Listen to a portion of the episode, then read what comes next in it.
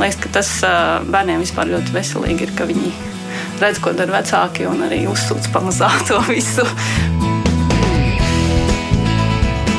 Mēs tiekamies ģimenes studijā.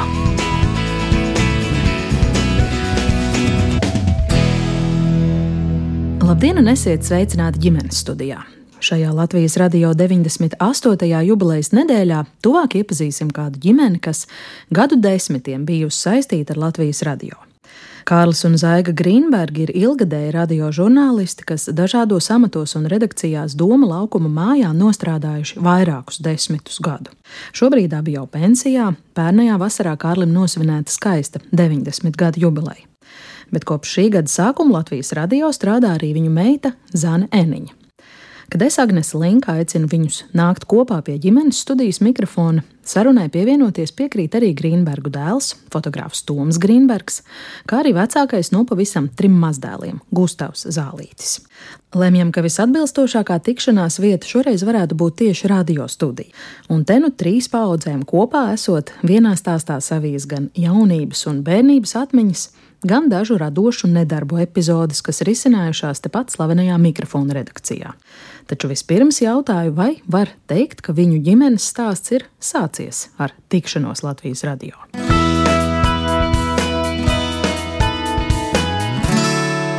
Jā, patiešām.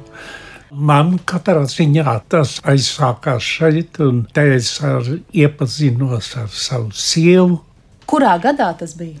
Jā. Iepazīšanās bija 1970. gadā. Maijā, kad radio bija ballīte. Ballīte bija te vienās telpās vecrīgā netālu. Un es toreiz jau strādāju radio tehniskajā daļā. Un Kārlis bija mikrofonā, un tajā ballītē viņš man uzkrītoši bieži aicināja dejot. Un tā mēs iepazināmies. Kā jūs savulaik nonācāt darbā radio? Es radio nācu pagaidu darbā, es atnācu uz Rīgu. Nekur sekmīgi iestāju eksāmenus augstskolā, nenokārtoju.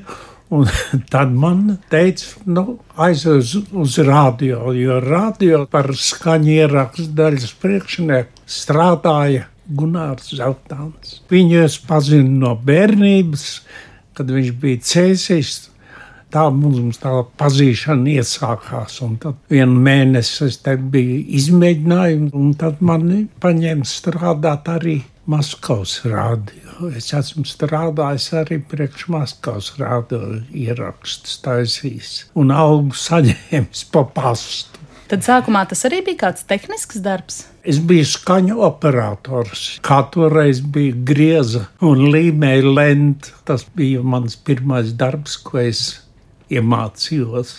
Nu, tad gāja tālāk. Bija tāda mikrofona redakcija. Tajā mikrofona redakcijā es esmu strādājis. Un pēc tam es esmu strādājis arī ziņu raidījumu galvenā redaktora vietnieks.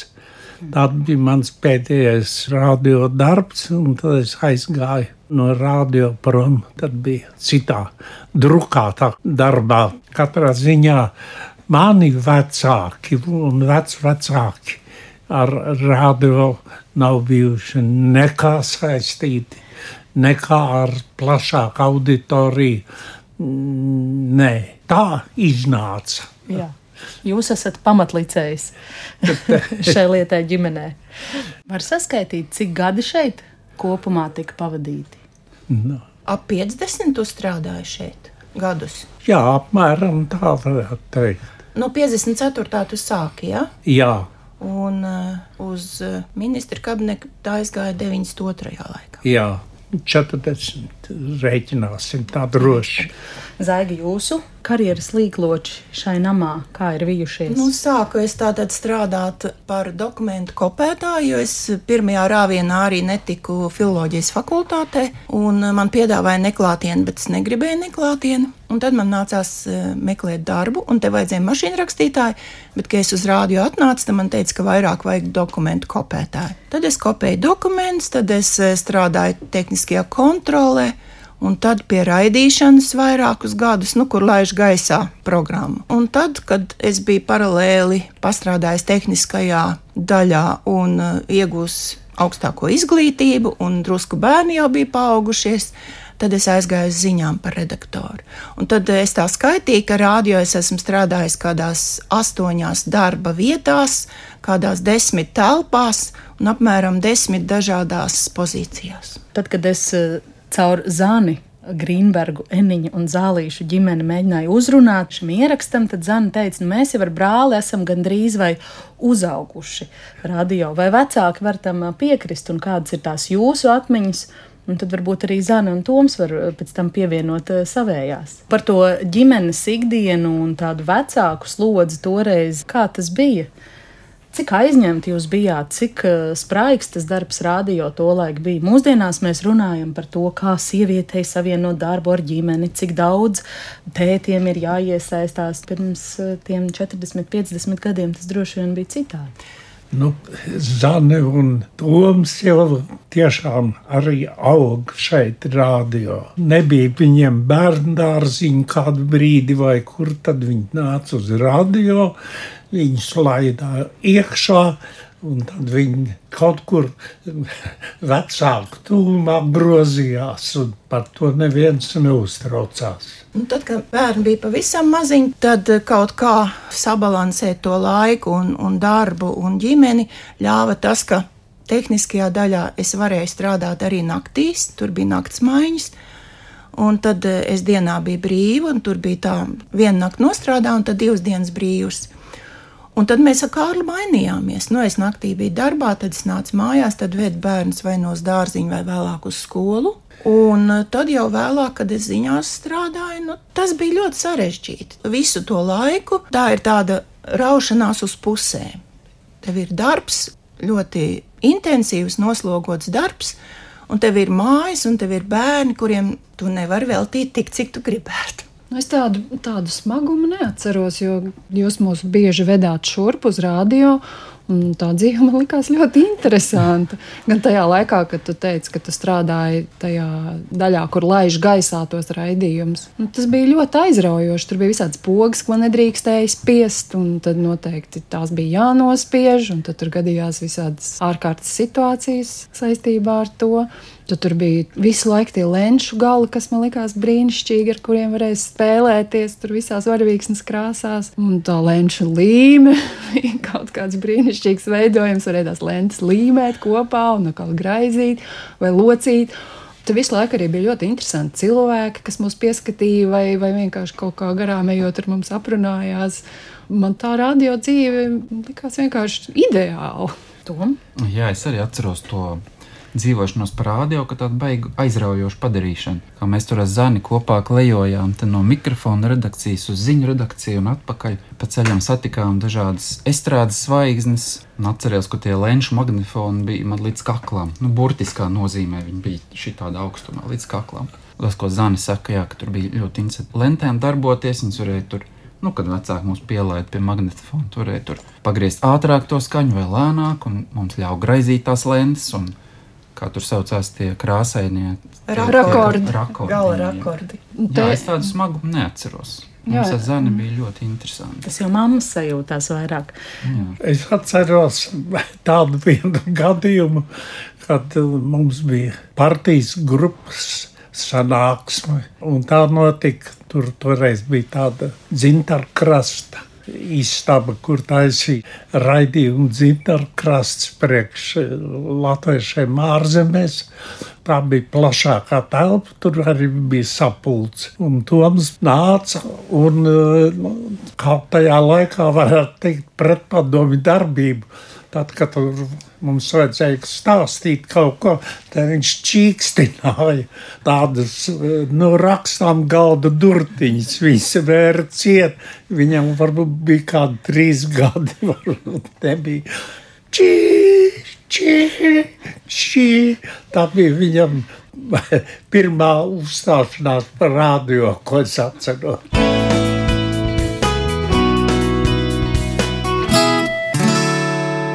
Jājautā un jālūdz izstāstīt Zane un Tomu, kas ir tas, ko jūs eh, darāt tagad. Es strādāju par fotogrāfu Latvijas Universitātē, komunikācijas departamentā. Un Zana šobrīd ir eh, mūsu kolēģi Latvijas uh, radio. Vai šī ir pirmā reize, kad tu strādā kā žurnālists radio? Es strādāju īsu laika posmu no 98. līdz 2000. gadam, arī ziņās. Jā, arī bija korespondente, tāpat kā tagad. Un citas tavas pa šo laiku pieminēšanas vērtākās darba vietas būtu? Nu, esmu bijusi žurnāliste laikrakstā Diena Nacionālo ziņu nodaļā.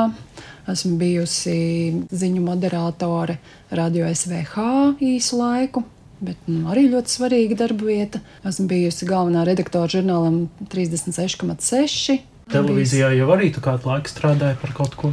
Jā, es esmu strādājis arī televīzijā, gan uh, Latvijas televīzijā, gan ilgāku laiku posmu RTV. Esmu bijusi ziņās.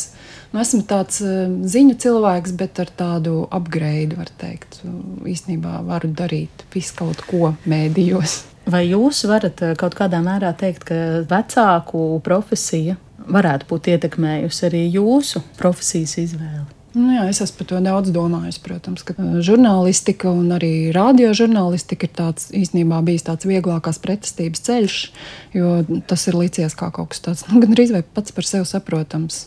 Tā ir tāda saprotama profesija, tas ir no laika gala man bijis acu priekšā. Es esmu redzējis, kas ir jādara, kā tas notiek, kā tas mēdījis darbojas stundu. Nu, jā, tev tas liekas tā pašsaprotama, man tas galīgi tā neliekas. Un, bet fotogrāfs un, un žurnālists jau nu, šodien varbūt ir citādāk, bet pirms kāda laika jau tā bija tāda savienība ļoti spēcīga. Jā, tas tā interesanti, ka tā iznācis, ka es esmu tādā, nevar teikt, žurnālistikā, bet ar komunikāciju saistītā jomā strādājuši, bet nu, tas noteikti nenotika tā apzināti un noteikti ne vecāku ietekmē. Šādā ziņā es droši vien būšu tā, tāds baltais zvirbulis mūsu ģimenei.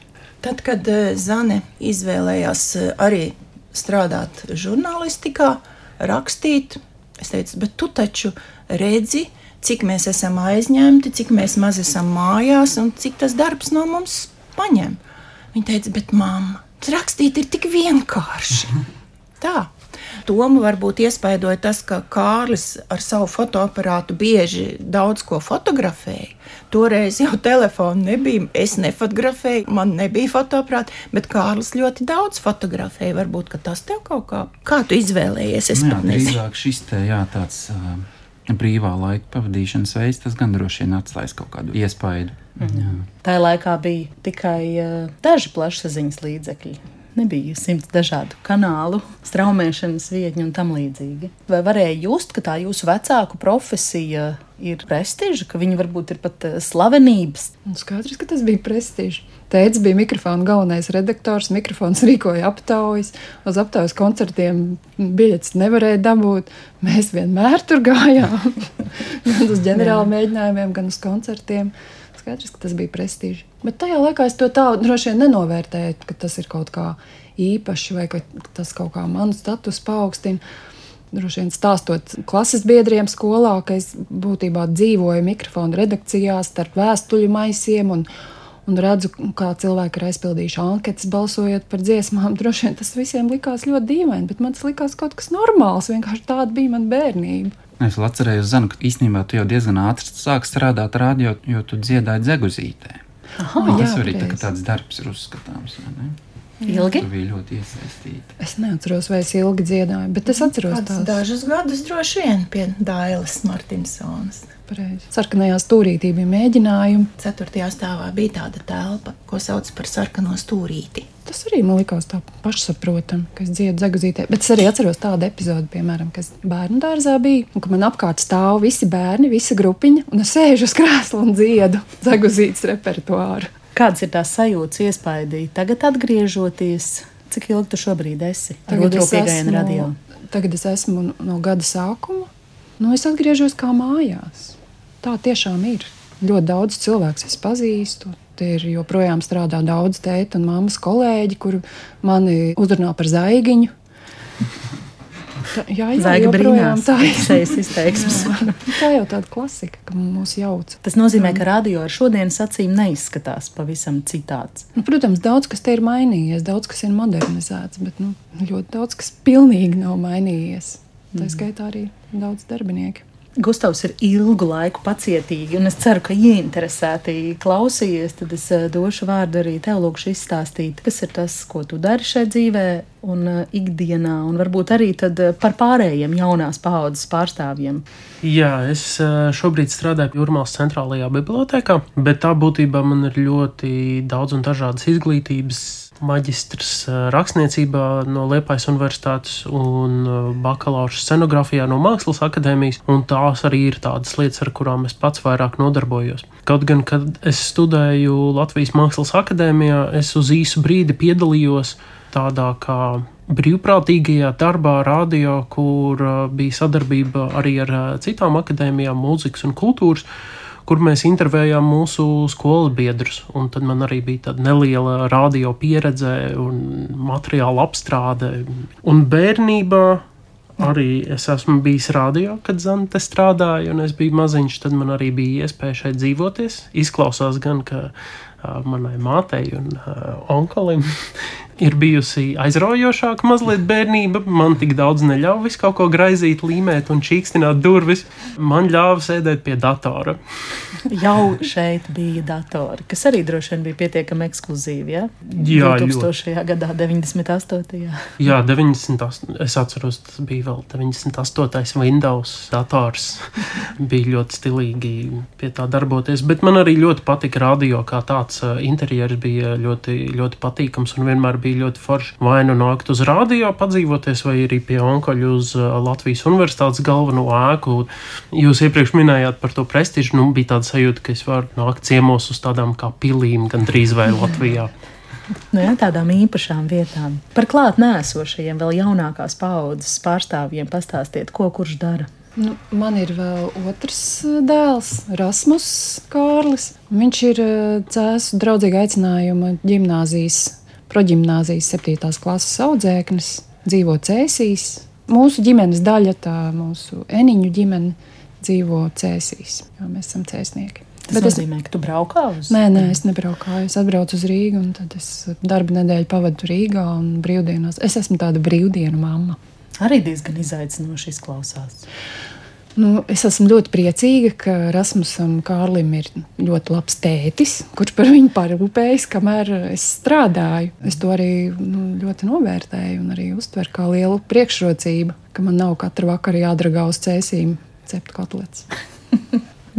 Tom? Mums ar sievu vidagu ir uh, viens dēliņš, Mikus. Nu, neiznāca šodien viņu paņemt no bērnās un atvest šeit, bet uh, Es pārliecināts, ja viņš šeit būtu, viņš varētu visu raidījumu viens pats novadīt. À, tad viņam arī ir tas gēns, jā, īpašais. Kaut kas tāds, jā.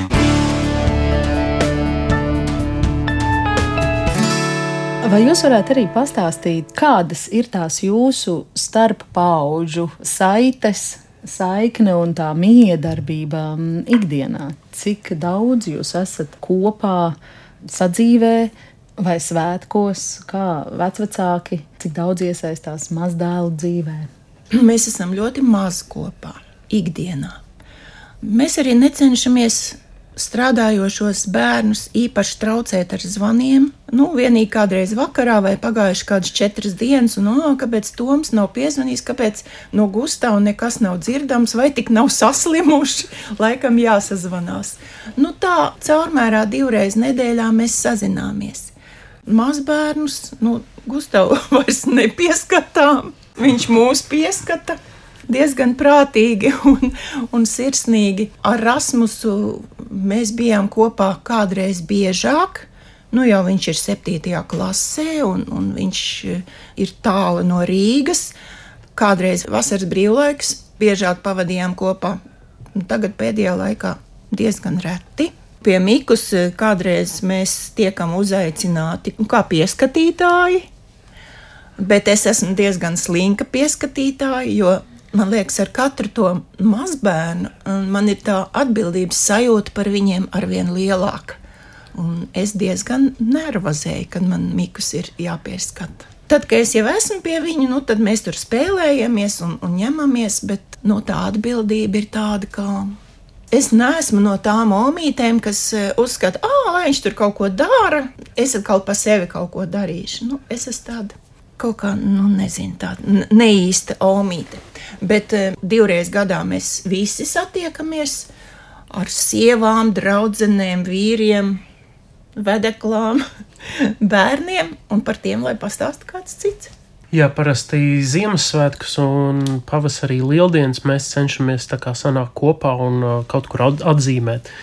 Lieldienas nereti ir uh, vasarnīcā salkrastos, tiek atzīmēts, bet Ziemassvētkus gan mēs bieži vien izīrējam kādu telpu un katreiz kaut kur citur aizceļojam, uh, kas diezgan jauki. Un tad arī, protams, uz lielākām jubilejām, kā teiksim, uz Kārļa 90 gadu dzimšanas dienu mums bija arī lielāka sanākšana vasarā. Un arī uz eh, jūsu kāzu jubileju. Jums bija zelta kārtas jau pirms diviem gadiem. Ja?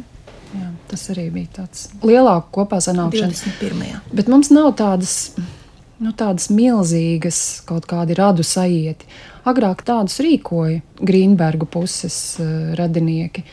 Bet tagad uh, tie cilvēki, tā paudze, kas to organizēja, uh, ir jau novecojuši un droši vien saguruši, un, bet jaunai paudzei laikam nav laika to darīt. Tāpēc tā tradīcija pašlaik netiek turpināta. Bet varbūt mēs kļūsim vecāki, to varbūt mēs kaut ko saorganizēsim. Gadiem 70. Jā, bet tagad liels nopelns ir tieši Gustavam. Gustavs ir diezgan aktīvs to kopā nākšanu rīkotājs.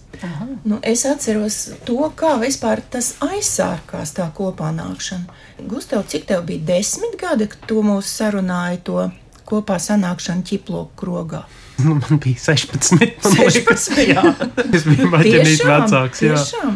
jā. Nu, tad Gustavs aicināja savu otru omi, savu tēti, savus draugus un laikam vēl, kas bija arī Zanes draudzene, jā.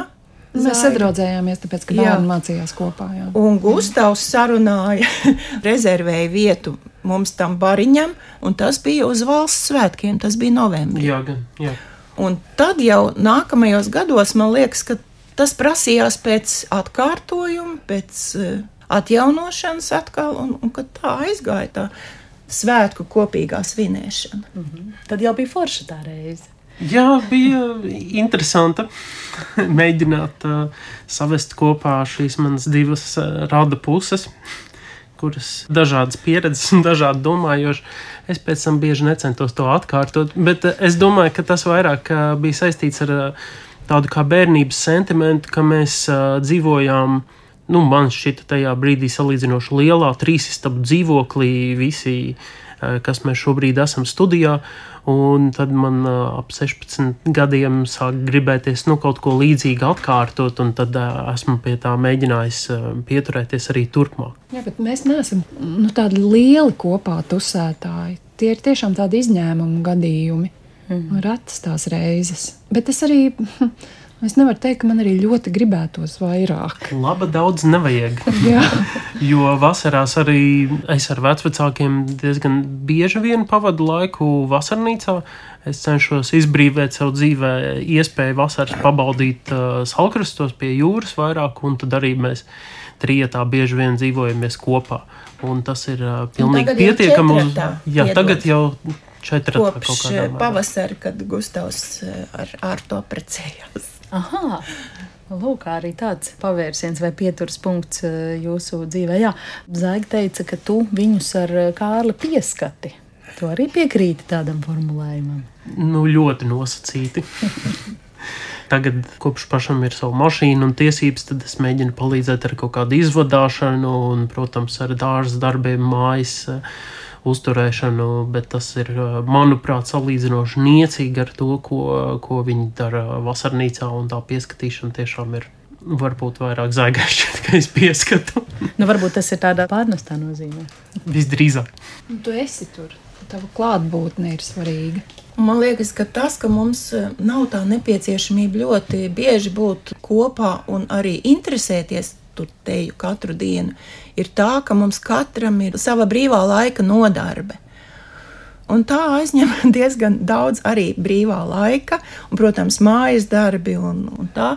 Tāpēc jau, nu, ja mēs esam visi kopā, mēs jau nevaram lasīt savas grāmatas, mēs nevaram klausīties mūziku, katrs uh, sava stila mūziku.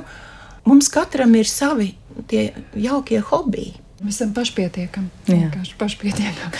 Un jūs, Zēga un Kārli, joprojām arī šur tur paceļojat, esat diezgan aktīvi. Apbraukājat dzimto zemi. Jā, jā, jā. Tad vēl nu, mēs arī, bet tur mēs parasti braucam pa vienam, lai var vairāk tos ceļojumu iespaidus. Tā es esmu bijis tur pie Spānijas, lidojis uz Moldāviju un tālāk tur ar autobusiem un pa vidus Eiropu un Itāliju. Ne uz Itāliju, reiz mēs bijām kopā ar Zaigu. Tas var būt tāds tālāks ceļojums, kur mēs esam abi bijuši. Bet es jūs- neesmu bijis Norvēģijā, viņi nu pat bija Norvēģijā. Un, piemēram, tāda doma faktiski arī nemaz nebija, ka mums tur vajadzētu abiem braukt. Toties mēs bijām Lietuvā. Jā, Ne, pavisam nesen Kopā. kopā. kopā Lietuvā, bet tas atkal bija pavisam citādi un ar citādiem cilvēkiem un mums nezināmiem līdz tam brīdim. Ar tādiem cilvēkiem, ar tādu firmu, kas ļoti labprāt eh, veda arī cilvēkus, kuriem varbūt nav tik viegli pārvietoties. Cilvēkiem nav jāskrien, viņi var lēni, mierīgi iet, cita ratiņiem tur stundas. Mēs tiekamies ģimenes studijā. Šajā Latvijas radio 98. jubilejas nedēļā mēs tiekamies ar ģimeni, kuras stāsts pirms vairāk kā 50 gadiem ir sācies Latvijas radio. Jo tieši te iepazinās un saskatījās tobrīd jau leģendārās mikrofona redakcijas darbinieks Kārlis Grīnbergs un nesen radio strādāt sākus jauniņā Zaiga, kas arī pēc neilga laika kļuva par Grīnbergu. Šodienas sarunā piedalās arī viņu abu dēls, fotogrāfs Toms Grīnbergs, meita, šobrīd Latvijas radio ziņu dienesta žurnāliste Zana Eniņa un Zanes dēls Gustavs Zālītis. Izskanot vienai no Kārļa īpaši iecienītām dziesmām, atsākam sarunu par viņiem visiem tīkamiem laika pavadīšanas veidiem kopā un atsevišķi.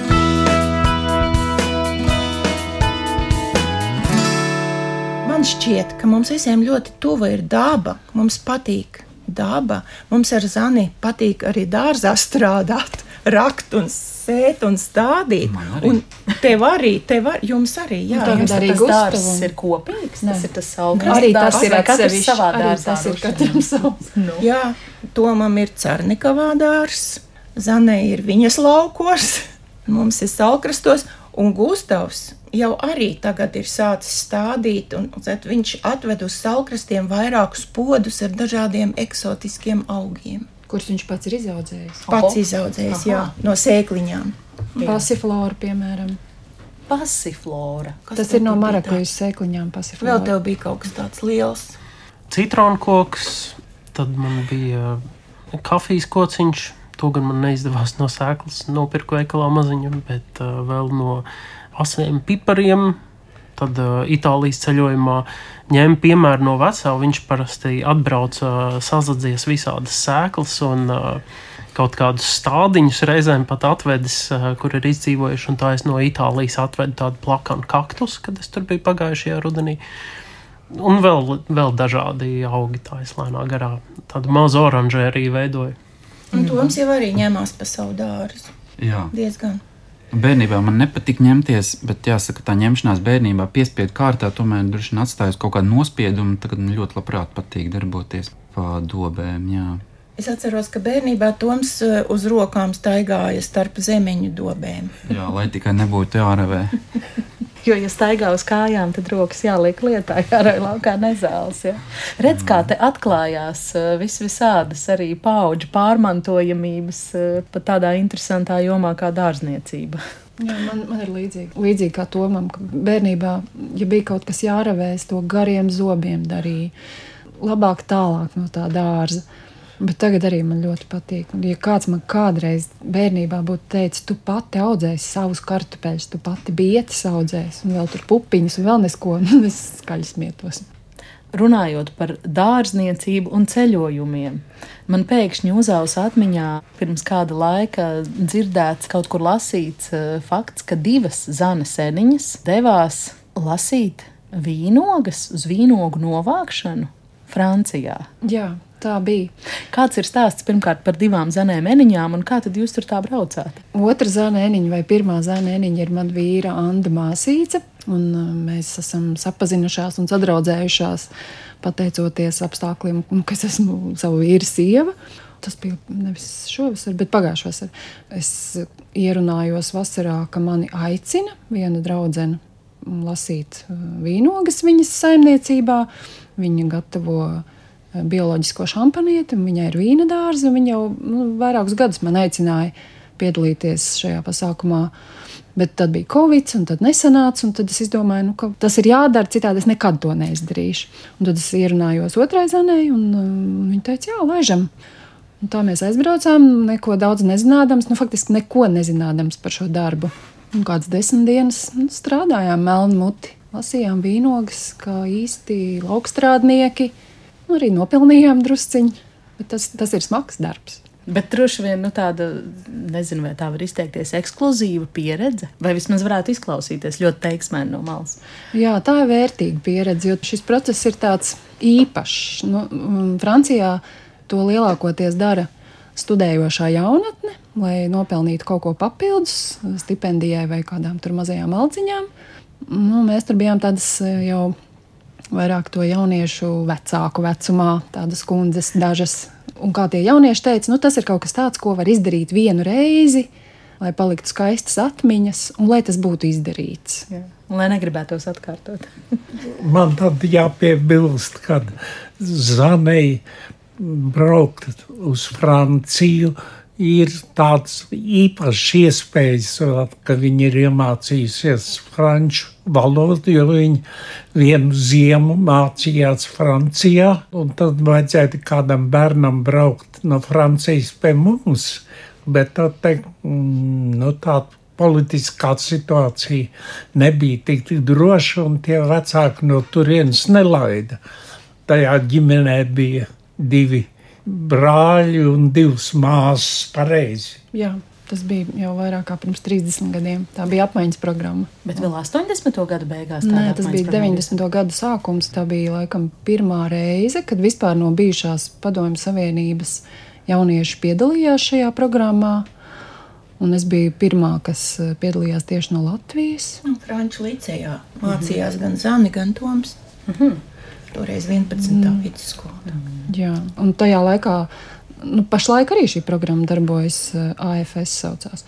Tagad, laikam, nu, vecāki, kas var atļauties, sūta tur savus bērnus, bet tajā laikā sūtīja labākos skolēnus, un programma maksāja man stipendiju. Tad nevienam ģimenē nebija brīnums, ka Zana ņēma un aizdevās palasīt vīnogas pagājušā vasarā. Nē, pilnīgi nē, pilnīgi nē. nē. Un tad tās ģimenes mammu un tēti, pie kuriem Zana dzīvoja, tad, kad viņi tur mācījās, tad jau pēc tam viņi sauc mamā un papā. Pareizi ir. Jā, man ir arī franču ģimene. Jā, vecāki. Jā. Jā. Tāda vieta Francijā, kur es orientējos tikpat labi kā Latvijā. Var teikt, ka tās ir mans otrās mājas. Vai trešās, ja pieskaita radio.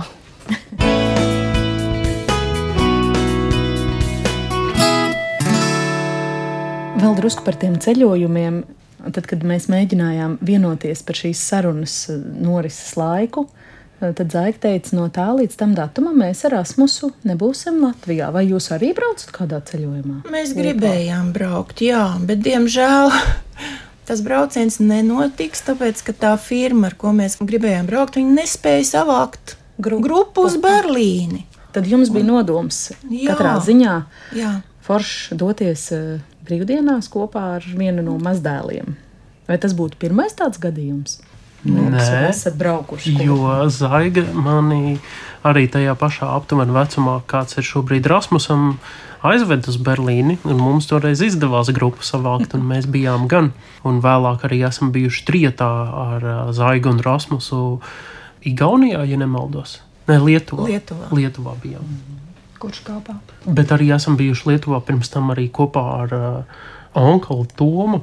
Un arī, arī bieži vien tādas sakritības, ka kaut kādos vecumos uh, atkārtojās, kad mēs bijām Lietuvā ar Zaigu un Rasmusu, tad es biju tikpat vecs uh, kā Toms savulaik ar mani bērnībā un Zaigu Lietuvā. Tas jau nav vienīgais, kur Rasmus seko tev. Viņš jau ļoti tevi vēro un daudz ko no tevis mācās un cenšas atdarināt, vai kaut, kaut kādos noteiktos punktos viņš atkal cenšas būt pilnīgi citāds nekā tu. Piemēram, ja tu esi mākslinieks, tu esi beidzis mākslas akadēmiju, tad Rasmus ir deklarējis, ka viņš nekādā ziņā nav mākslinieks. Un kas tad viņš ir? Kaut gan keramikas pulciņā viņš šo un to izveidoja.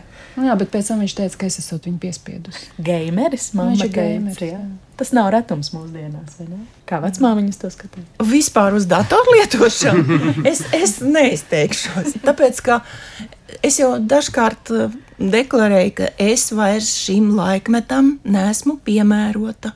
Jā, es arī lietoju mobilo telefonu un vienu sociālo tīklu un fotografēju ar telefonu un lieku bildes Un datorā protu šo to arī izdarīt, norēķināties, bet ir operācijas, kuras es nespēju veikt. Un tas, ka bērni tik daudz pavada laiku pie datora, Es domāju, tas ir ļoti nepareizi. Es nezinu, kā Toms uh, Mikam atļauj, cik daudz, bet cik es saprotu, Mikls arī pēdējā laikā diezgan grib multens jau skatīties. Jau bet viss. tas ir neizbēgami, un, un šis laikmets nav vairs mans laikmets. Labi, ka ir vēl drukātās grāmatas, kuras vēl var lasīt. Nu, man jau šķiet, ka tu esi varbūt pat aktīvāka teiksim, par mani sociālajos tīklos un bieži vien vairāk visu kaut ko liedz gan bildes, nu, pati savu informāciju, un arī iegūst dažādu informāciju par kādām jaunām grāmatām un, un dažādiem notikumiem pasaulē.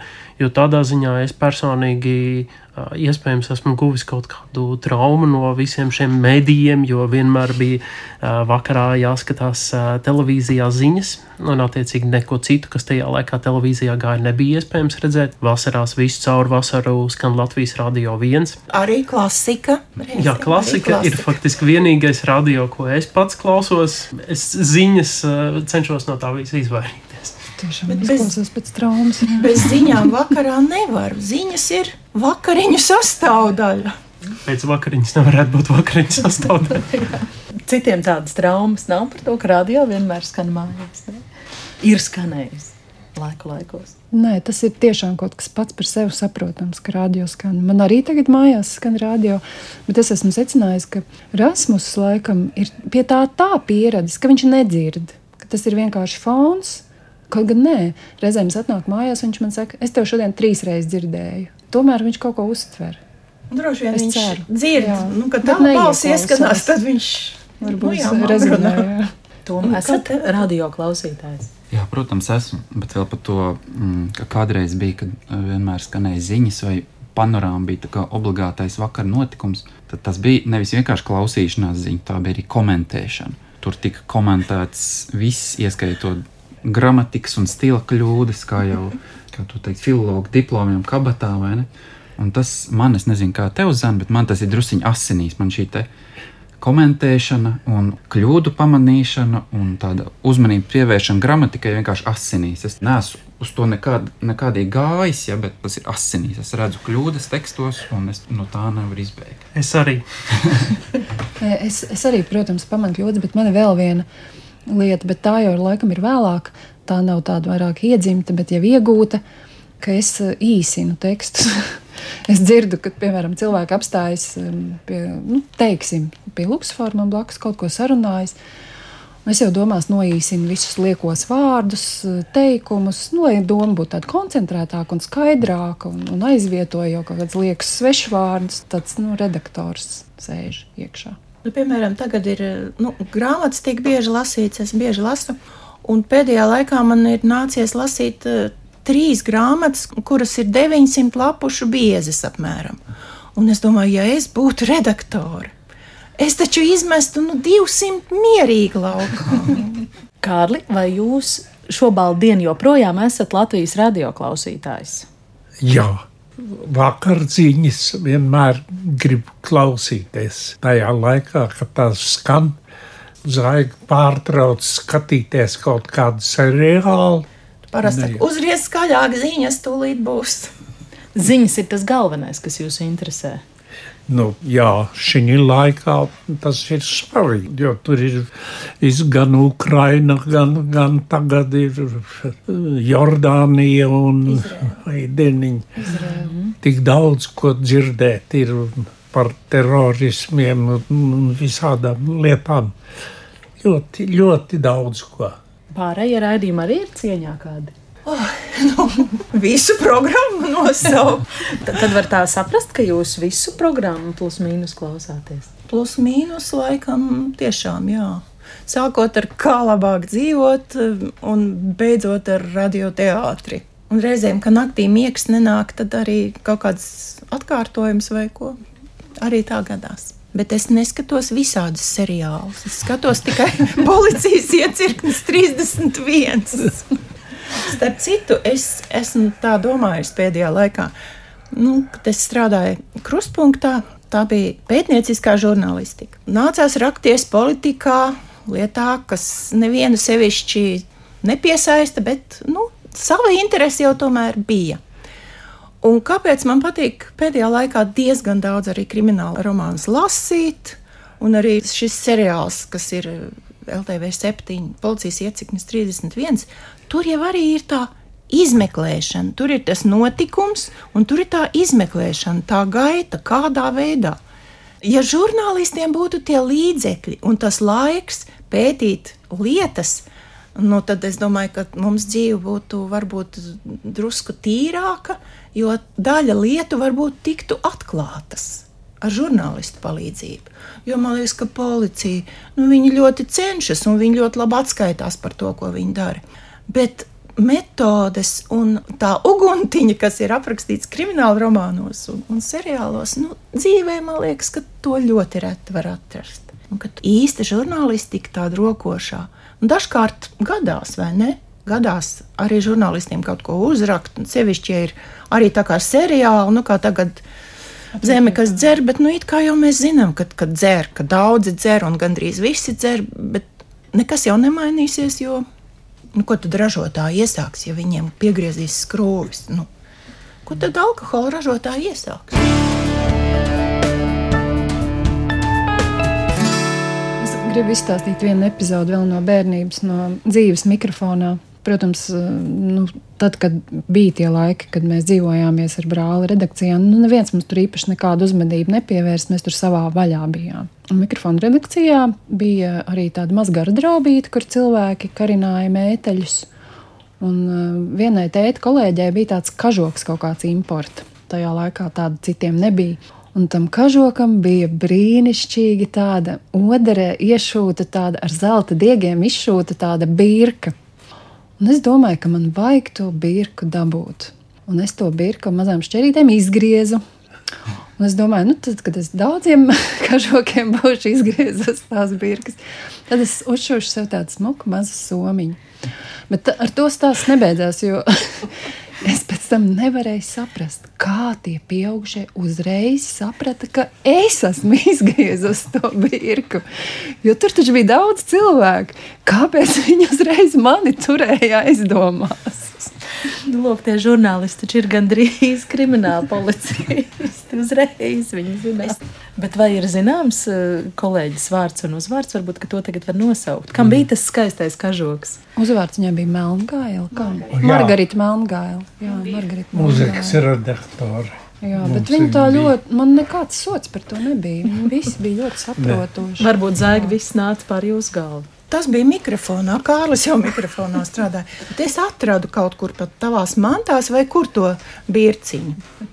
Es nesaprotu, kur tāda ir radusies. Un tā pamazām, pamazām. Tuvojoties sarunas izskaņai, Zēga Grīnberga vēl atceras kādu emocionālu ar darbu radio saistītu epizodi. Un te vienkārši vien, viens avīzes izgriezums, kur Kārlis ir nevis redakcijā, bet Kārlis demonstrē, kā viņš te pie radio sienas tur lejā pie trepēm stāva paceltām rokām.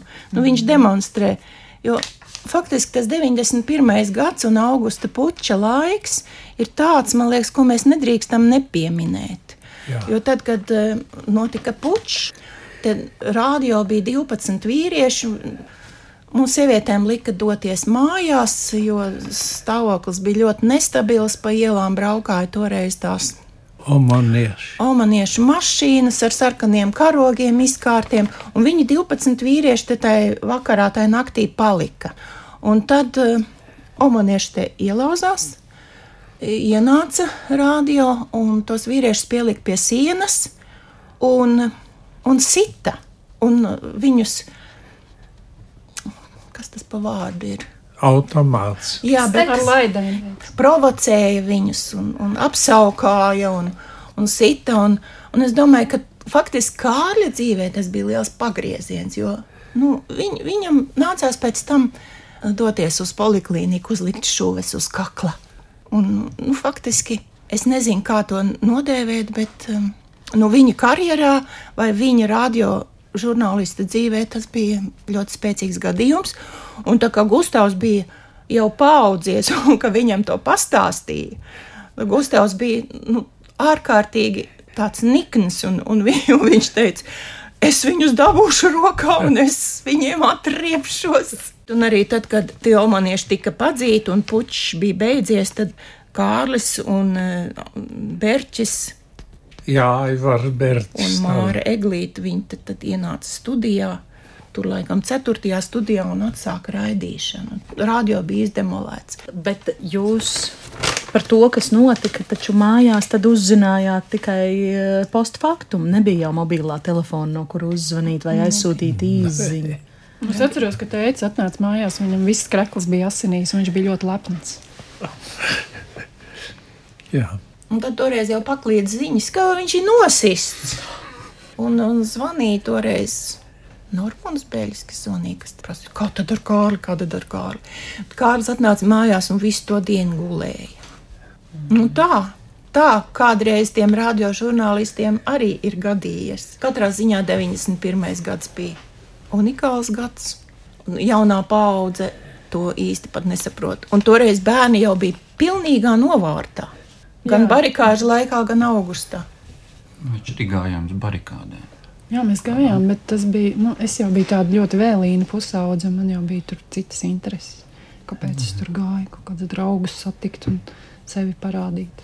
Ko tu to atceries? Tu atceries, ka Es atceros, es svinēju ar klasbiedriem savu dzimšanas dienu. 16 gadus. Mm, Jā, janvārī. Un vecāki bija rādio, man liekas, tajā laikā. Un tur jā, ziņās teica, ka tur kaut kāda šaudīšanās notiek, un kas. Un no vienas puses mums bija tāda jautrība, no otras puses es tā domāju, no vai vecāki vispār atgriezīsies mājās vai nē. Un tas bija tāds moments. Bet es atceros, ka tas bija diezgan interesanti un jautri. Tur iet vienkārši doma laukumā, pasēdēt pie ūdens, kur tas bija kaut kas tāds nu, pilnīgi neierasts un uh, emocionāli piesātināts tāds Latvijas radio 98. jubilejas nedēļā tikāmies ar ilgadējiem radiodarbiniekiem Kārli un Zaigu Grīnbergiem, viņu meitu, šobrīd radiožurnālisti Zani Eniņu, dēlu fotografu Tomu Grīnbergu un vecāko no mazdēliem Gustavu Zālīti. Ar viņiem sarunājos es Agnese Linka, raidījuma tapšanā palīdzēja arī Liena Vīmba un Nora Mītspapa. Paldies, ka klausījāties, un tiekamies arī ģimenes studijas epizodēs visās straumēšanas vietnēs, Latvijas radio mobilajā aplikācijā un sociālos tīklos uz sadzirdēšanos.